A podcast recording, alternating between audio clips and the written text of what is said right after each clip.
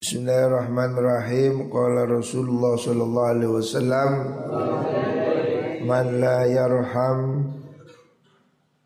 An-nasa la yarhamhullah Man udai sapane wong iku la yarham ora welas sapa man An-nasa ing menungso la yarhamhu mongko ora melasi hu ing man sinten Allahu Gusti Allah. Ya hidup harus diisi dengan kasih sayang. Siapa tidak kasih sayang pada manusia, dia tidak akan dikasihi oleh Gusti Allah. Jadi ini penting. Hadis kasih sayang ini penting ya. Islam ini selalu mengajarkan jangan saling membenci sesama umat Islam Jangan bermusuhan. Jangan terus gontok-gontokan. Jangan mau diadu domba. Umat Islam sing rukun ya. Beda partai, beda ormas. Apa pun kita disatukan Disatukan oleh iman. Tauhid, kiblat, Quran Jangan perbedaan-perbedaan itu membuat kita bermusuhan. Ambil persamaannya, lupakan perbedaannya. Ya. Ini kita ini terus akan terus diadu domba terus. Sesama umat Islam jangan tega pada saudaranya. Ya. Jangan kejam, jangan apa? Zolim sesama umat Islam harus saling menyayangi. Innamal mu'minuna ikhwah. Sesama orang mukmin ini saudara. Saudara harus saling mencintai. Hadis Rawi Tirmidzi an Nabi Sa'id. Selanjutnya Rasulullah Shallallahu Alaihi Wasallam bersabda, "Man yatakaffalu li alla yas'alan nasa syai'an wa atakaffalu lahu bil jannah. Man utai sapane wong iku yatakaffalu nanggung sapa man. Li maring ingsun alla yas'ala. Ing yen to ora njaluk-njaluk sapa man annasa ing menungso syai'an ing suwi-wiji Nabi bertanya, siapa orang yang mau tidak minta-minta? Siapa orang yang bisa jaga dirinya? Ya. Tidak minta-minta pada orang lain. Orang Islam harus kuat, nah, kuat. Kita ini harus mencukupi kebutuhan kita. Jangan sampai hidup menjadi beban bagi orang lain. Nabi menawarkan siapa orang mau menanggung berjanji tidak minta-minta pada orang lain wa takafalulan bakal nanggung ingsun nanggung ingsun lahu nanggung ingsun lahu maring man bil jannati kelawan suwargo siapa menjamin dirinya tidak minta-minta maka Nabi akan menjamin dia untuk masuk surga. Jadi salah satu jaminan surga itu kalau kamu mau bekerja mandiri, jangan hidup menjadi beban orang lain. Makanya keterampilan wirausaha santri-santri harus harus mampu. Rek. Pada zaman saya dulu, saya ini mondok era zaman belum diakui ijazah pesantren. Hari ini sudah ada kemajuan. Hari ini pemerintah sudah mengakui ijazah dinia. Zaman saya mondok belum. Sehingga pondok-pondok dinia itu status ijazahnya disamakan disamakan dengan tidak punya ijazah. artinya nggak nggak diakui blas. Makanya santri-santri zaman dulu itu lebih kreatif sebab dia tidak ingin dan yakin dirinya tidak bisa jadi pegawai negeri. Makanya rata-rata jadi pengusaha ekonomi mandiri. Hari ini orang lebih ngandalkan ijazah, akhirnya malah banyak pengangguran. Karena yang dicari lowongan, lowongan, lowongan sulit. Kalau zaman saya, teman-teman saya memang sudah tidak cari lowongan, ya kerja wis. Saya kerja ke pasar, ke pabrik. Ya. Kita ini jangan mengandalkan kepada orang lain. Nggak usah mengandalkan ijazah. Kalau bisa kita ini buka lapangan kerja. Walaupun kelihatannya remeh. Ya bikin warung nasi goreng nggak perlu ijazah. Tapi ini kalau laris juga hebat. Atau apalah usaha-usaha kuliner, kopi, kafe dan seterusnya. Usahakan kita ini mampu bekerja sendiri. Apalagi hari ini sudah aplikasi online, semua orang jual online. Ya. Usahakan hidup jangan jadi beban bagi orang lain itu ditanggung oleh Rasulullah Shallallahu Alaihi Wasallam untuk bisa masuk surga. Hadis rawahu Abu Dawud an Thauban. Selanjutnya Nabi bersabda, "Man iqtata ashibran minal ardi zulman, lawaqahullah iyau yaumal qiyamah min sab'il aradhin." Rawahu uh, hadis muttafaqun alaih. An Sa'ad bin Sa'id Kanjeng Nabi bersabda man utai sapane wong iku iktato ang rampas Barang siapa merampas atau me, apa istilah sekarang itu mengambil tanah orang lain ya, ngerampas gosok sibron ing sakilan minal ardi sangking bumi Zulman kelawan zolim Siapa orang mencuri tanah orang lain Walaupun mak sakilan Sejengkal Menggeser batas tanah ya. Siapa mencuri mengambil tanah orang lain Walaupun satu kilan. Bahasa Indonesia apa? Satu kilan Sejengkal ya saat ini Sak mini bilang Satu kilan nih loh. Satu apa ini Apa Indonesia yang angel ya? Satu kilan nih loh apa bahasa Indonesia Hmm? Sejengkal mau jengkal. Sak mini gitu. Satu kilan. Kalau norek bahasa Indonesia apa satu kilan Siapa mengambil tanah orang lain walaupun satu kilan? Artinya geser batas satu kilan. Nah, sakilan apa bahasa Indonesia ya? Hah? Jengkal ombo. Sakilan Kalau satu kilan. Kalau bahasa Maduranya Sekelan. Nah. Siapa ngambil tanah orang satu kilan? Zulman dengan zolim Tawakahu mongko bakal ngalungi hu ingman sapa Allah. Allah iyahu ing mengkono shibron yaumal kiamat ing dalam tino kiamah min sab'i aradina saking pitu piro-piro bumi. Besok akan dikalungkan tembus tujuh lapis bumi. Artinya ini ancamannya yang cukup berat. Makanya urusan tanah ini harus clear ada patoknya, ada garisnya.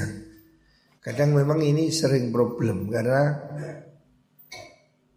di daerah kadang belum tertib, garisnya belum tertib, akhirnya galengannya bisa bisa pindah. Nah itu tidak boleh. Jangan mengambil tanah orang lain walaupun sakilan, walaupun sak sak, sak telapak tangan. Artinya sekecil apa pun ini hak milik itu harus dihormati. Tidak boleh mengambil tanah milik orang lain. Walaupun itu kelihatannya nganggur.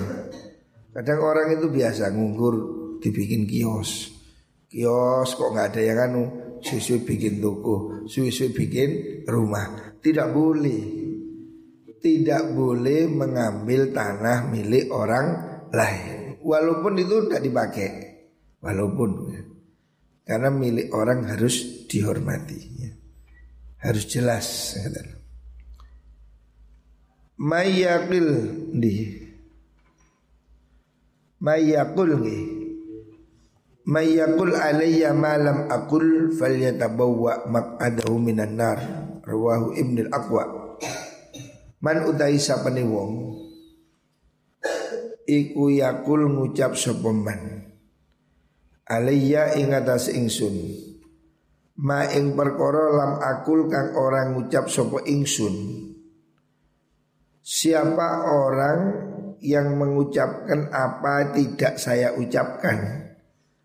Artinya siapa orang gawi-gawi barang siapa orang memalsukan ucapan nabi bukan hadis dianggap hadis.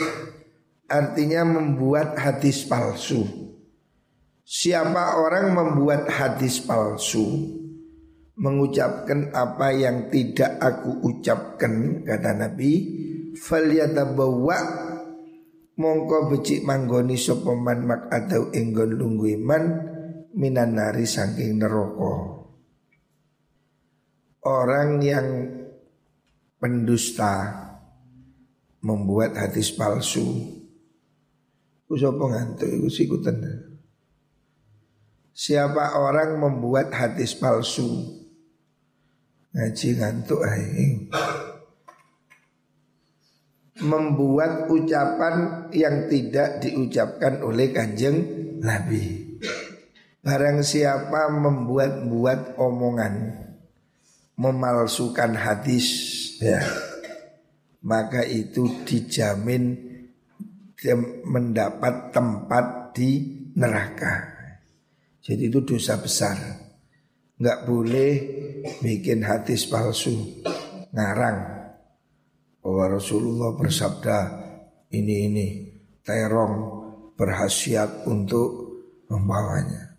Tidak boleh bikin hadis yang bukan diucapkan oleh kanjeng Nabi. Jadi kita ini harus hati-hati.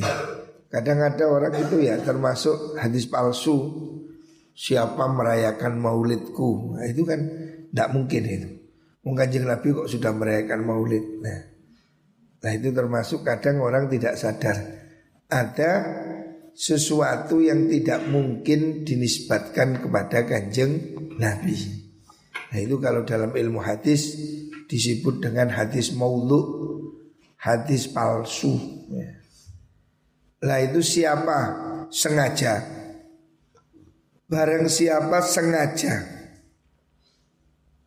membuat hadis palsu mengatakan Nabi begini begitu yang tidak ada dasarnya yang membikin-bikin itu dijamin masuk neraka. Nabi marah. Makanya hati-hati. Jadi mengutip hadis juga harus jelas dari mana gitu loh. Jangan ngawur membikin hadis sendiri. Selanjutnya man syaffa li akhihi syafa'atan fa ahdalahu hadiyatan faqabilaha faqad ata baban aziman min abwabir riba. Man desa wong iku syafa'an nulungi sapa man li akhihi maring dulurin man syafaatan ing pitulung fa ahdanulin maringi sapa mengkun akhihi lahu maring man hadiyatan ing hadiah fa qabila nulin nrimo sapa man ha ing hadiah Fakot ata mongko menekani sapa man baban ing lawang aziman kang agung min abwabi riba saking piro-piro lawangi riba. Hadis Urwah Ahmad. Ini berkaitan dengan suap menyuap itu Penegak hukum ya Berarti kan penegak hukum, aparat keamanan, polisi, jaksa, hakim tidak boleh menerima imbalan ya, atas satu kasus yang dia tangani. Walaupun itu benar, umpamanya ada sengketa antara ini dan ini. Ini memang benar difonis menang. Dia tidak boleh menerima hadiah. Dia tidak boleh menerima pemberian dari orang yang dia putusi kasusnya. Itu termasuk coro niki gratifikasi atau korupsi. Pegawai tidak boleh menerima imbalan. Artinya imbalan itu imbalan yang sifatnya apa itu? Ya tidak resmi nih Imbalan apa? Ini akan menyuburkan budaya korupsi. Kan biasa tuh orang itu ngurus KTP ngasih uang, ngasih uang. Kalau memang dia itu sebelumnya nggak biasa ngasih uang, kok tiba-tiba ngasih? Nah, ini kan berarti ada imbalan dari pekerjaan. Tidak boleh. Orang-orang yang mengambil kekuasaan itu tidak boleh menerima pemberian dari orang yang dalam wilayah kekuasaannya. Ini kalau undang-undang Indonesia termasuk KKN. Ya. Sebab kalau dia nerima maka akan hatinya ini condong. Maka dia akan selalu memberi, mem, apa, mengutamakan orang yang memberi. Umpamanya kita ngurus KTP, situ ngekei satu sewu, situ ngekei sepuluh ewu. Sing satu mesti no. Nah, yang begini ini tidak boleh ya. Mengambil upah yang tidak hak tip itu, tip budaya tip dalam birokrasi itu tidak boleh. Apalagi dalam pengadilan ya, tidak boleh. Ya. Hakim tidak boleh menerima pemberian atau ya walaupun itu hadiah ya. Tidak boleh. Karena itu akan mendorong dia untuk tidak adil. Sama polisi juga begitu. Polisi di pinggir jalan tiga duit, gak boleh. Lu saya dikasih Loh kan dikasih kan boleh kelebihan coklat. Coba sarungan. Kausan. Sopo sing ya. Kamu diberikan karena seragam. Mulai itu tidak boleh ya. Tidak boleh petugas menerima uang. Ya, itu termasuk korupsi. Beliau Rawahu Ahmad Selanjutnya Nabi bersabda Man syafa'a li akhihi Oh Man yakun fi hajati akhihi yakunillahu fi hasadi. Hadis Urwah Ibnu Abi Dunya. Man utai sapane wong iku yakun ono man. Iku fi hajati akhihi dalam hajati dulure man. Siapa orang menulung hajat orang lain. Siapa orang bersedia menolong apa kebutuhan temannya, saudaranya, yakun mongko ono sapa Allah Gusti Allah iku fi hajati ing dalam hajat iman. Siapa menolong pasti akan ditolong oleh Gusti Allah. Ini resmi ya, jaminan dari Allah. Makanya biasakan nulung. Kalau kita mampu, tolonglah. Teman kita ini dibantu siapa pun. Kusi ngantuk iku kan ngaji ngantuk. Eh. Siapa orang mau nulung orang lain, maka dia akan ditolong oleh Gusti Allah. Makanya biasakan deh, peduli. Biasakan orang ising enteng. Ono konjoni repot, emang ono. Apa ada kesulitan, kebersihan, apa lakukanlah. Siapa menolong pasti akan ditolong, tidak akan hilangnya. Jadi kamu berbuat baik tidak ada ruginya kapan pun di mana pun kamu berbuat baik walaupun orang lain lupa walaupun mungkin orang lain tidak perhatian jangan khawatir kamu diperhatikan oleh Gusti Allah ya. makanya ini harus dibiasakan sing enteng jadi wong sing enteng supaya kamu ini disukai orang seneng bantu otomatis kalau kamu membantu kamu akan dibantu. Jangan jadi orang yang tidak peduli. Kalau ada temannya repot, kalau ada temannya sakit, hendaknya peduli ya. Ambilkan obat, ambilkan makan, perhatikan temanmu, bantulah temanmu. Kamu akan dibantu oleh Gusti Allah melalui caranya Allah ya. Tidak ada yang hilang, kebaikan tidak ada yang hilang. Ya. Rawahu Ibnu Abi Dunya. Selanjutnya Nabi bersabda man yassara ala mu'sirin yassarallahu alaihi fid dunya wal akhirah. Man utai sapane wong iku yassara. Man utai sapane wong iku yassara gampangaken sapa man. Siapa orang memudahkan Memudahkan dalam arti memberikan kemudahan ala muksirin ing atase wong kang melarat ini nisbatnya hutang piutang siapa orang memberi kemudahan pada orang miskin? Apa itu melonggarkan temponya? Apakah itu memberi diskon? Ya. Siapa pun yang memberi keringanan kepada orang miskin ya terutama dalam hutang piutang ya saro mongko bakal gampangaken sapa Allah Gusti Allah alaihi ing man fit dunya ing dalam dunya wal akhirati lan akhirat dunya akhirat orang itu akan dimudahkan oleh Gusti Allah jadi Jangan segan-segan nulung orang ya. Termasuk ini kasusnya hutang piutang. Kalau memang orang yang hutang ini belum mampu, jangan di apa paksa-paksa, jangan disakiti ya.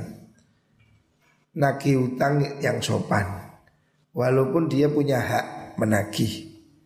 Tetapi hendaknya dia memberi toleransi.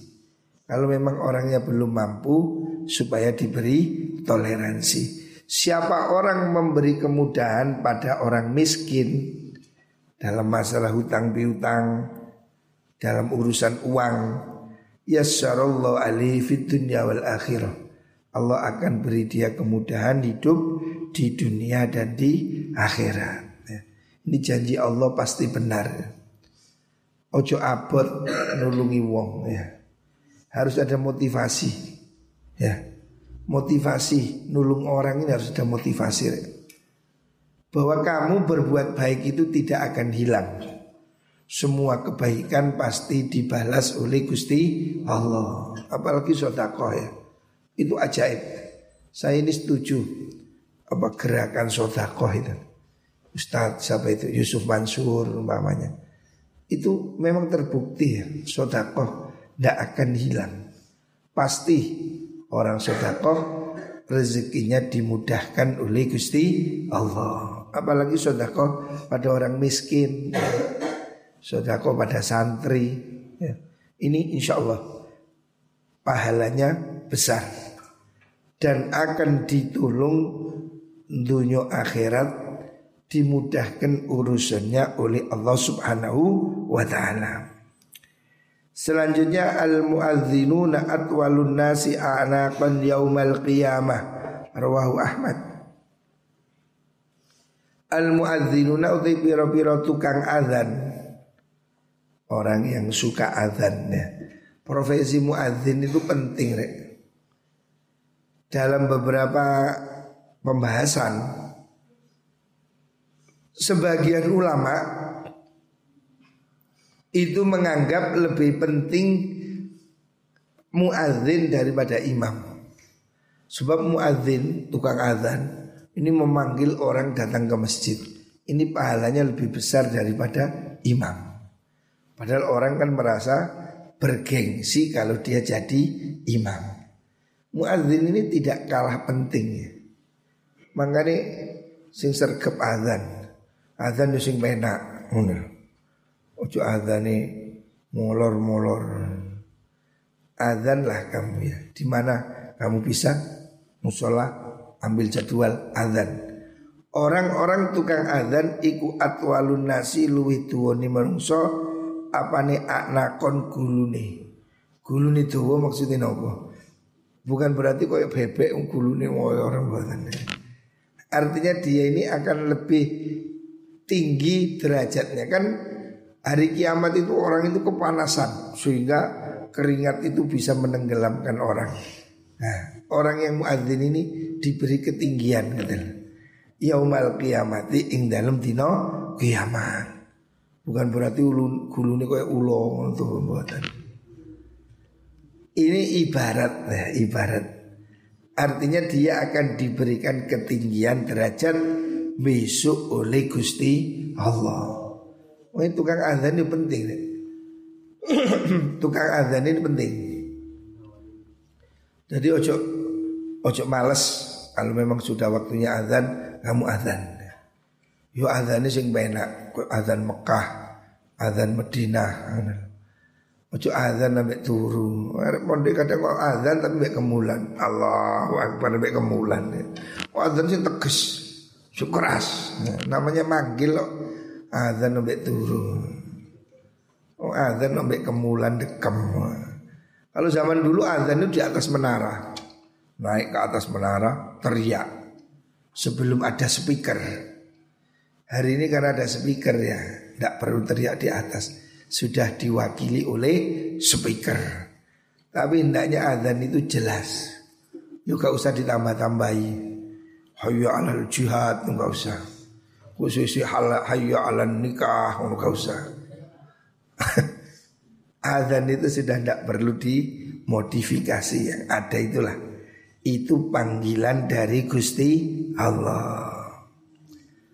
Selanjutnya al mu'minu lil mu'mini kal bunyan yashuddu ba'dahu ba'dan yashuddu ba'dahu ba'dan Al mukminu ta wong mukmin lil mukmini maring wong mukmin kang liya iku kal bunyani kaya bangunan.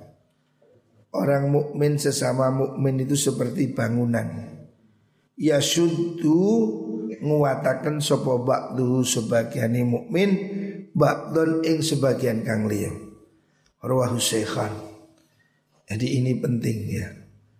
Rasulullah Wasallam mengingatkan pentingnya kerukunan sesama umat Islam. Hari ini kita ini sedih. Orang ini beda ormas, beda parpol, sudah membuat terpecah-pecah.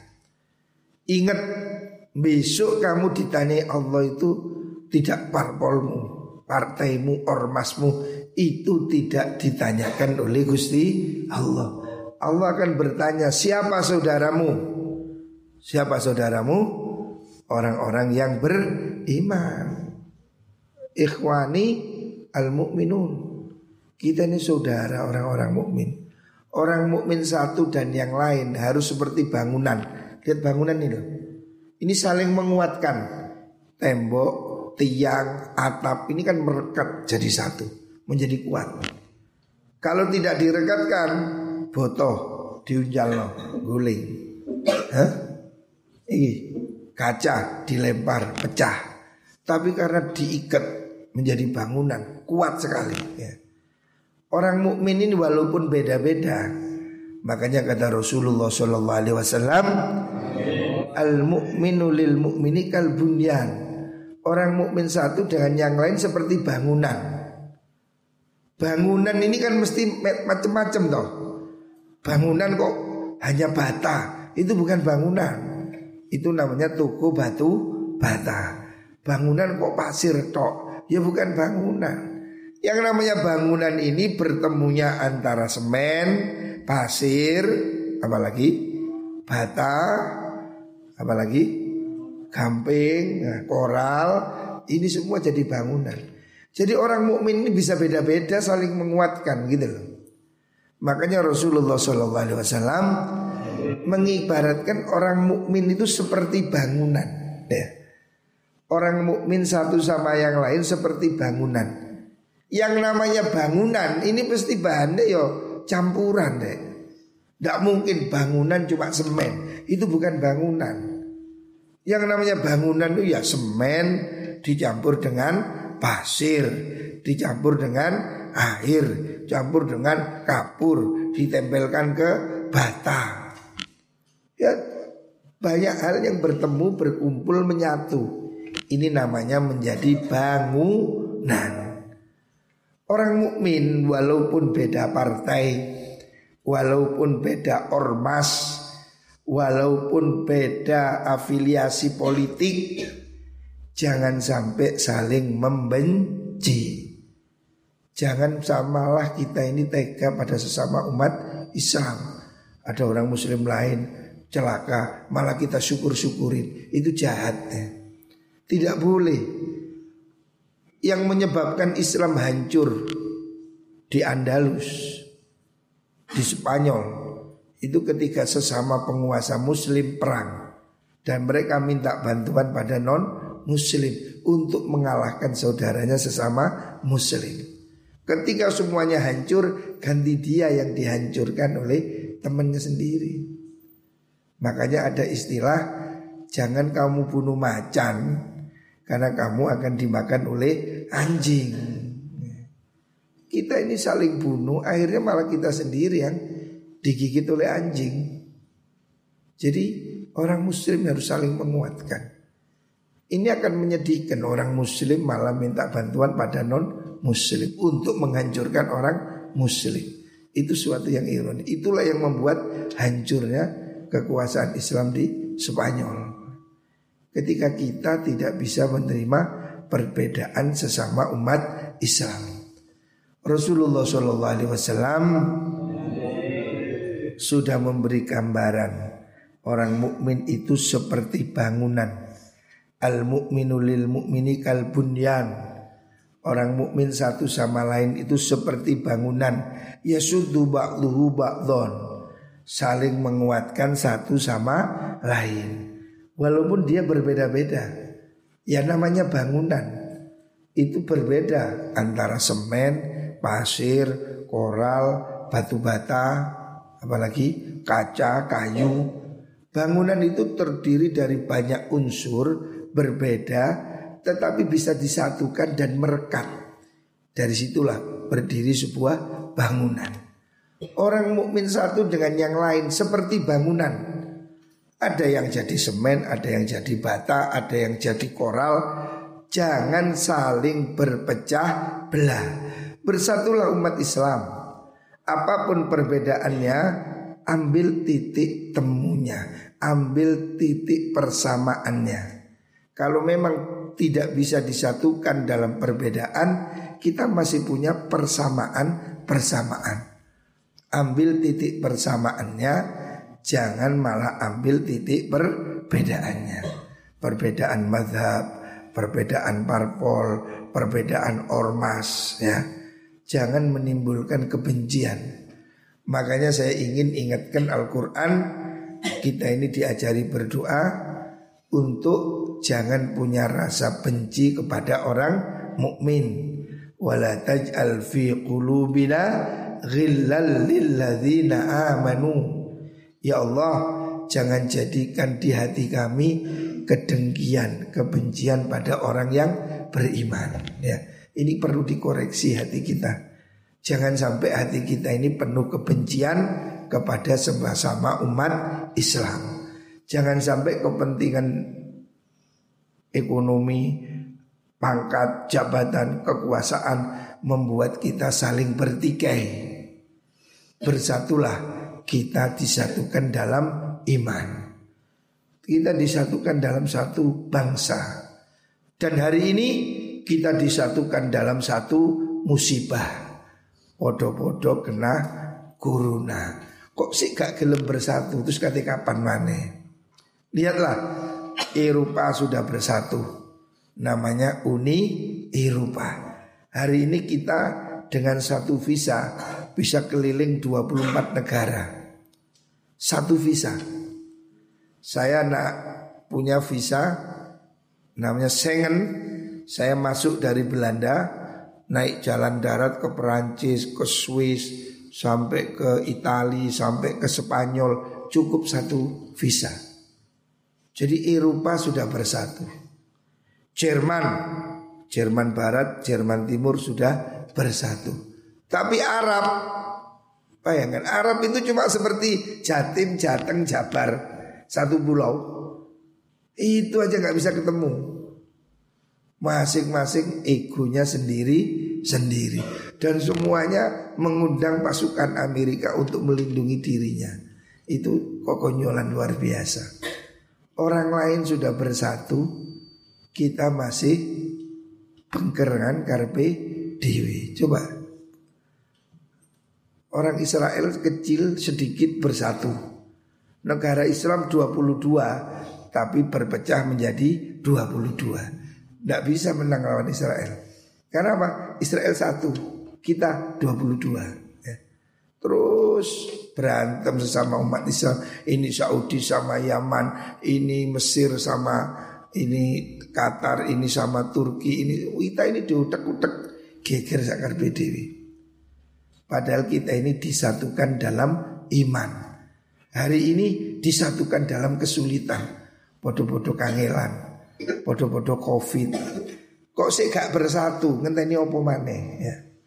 Mungkin nanti bersatu di kuburan Mate kabeh Makanya ini pesan dari Rasulullah Sallallahu Alaihi bersatulah umat Islam.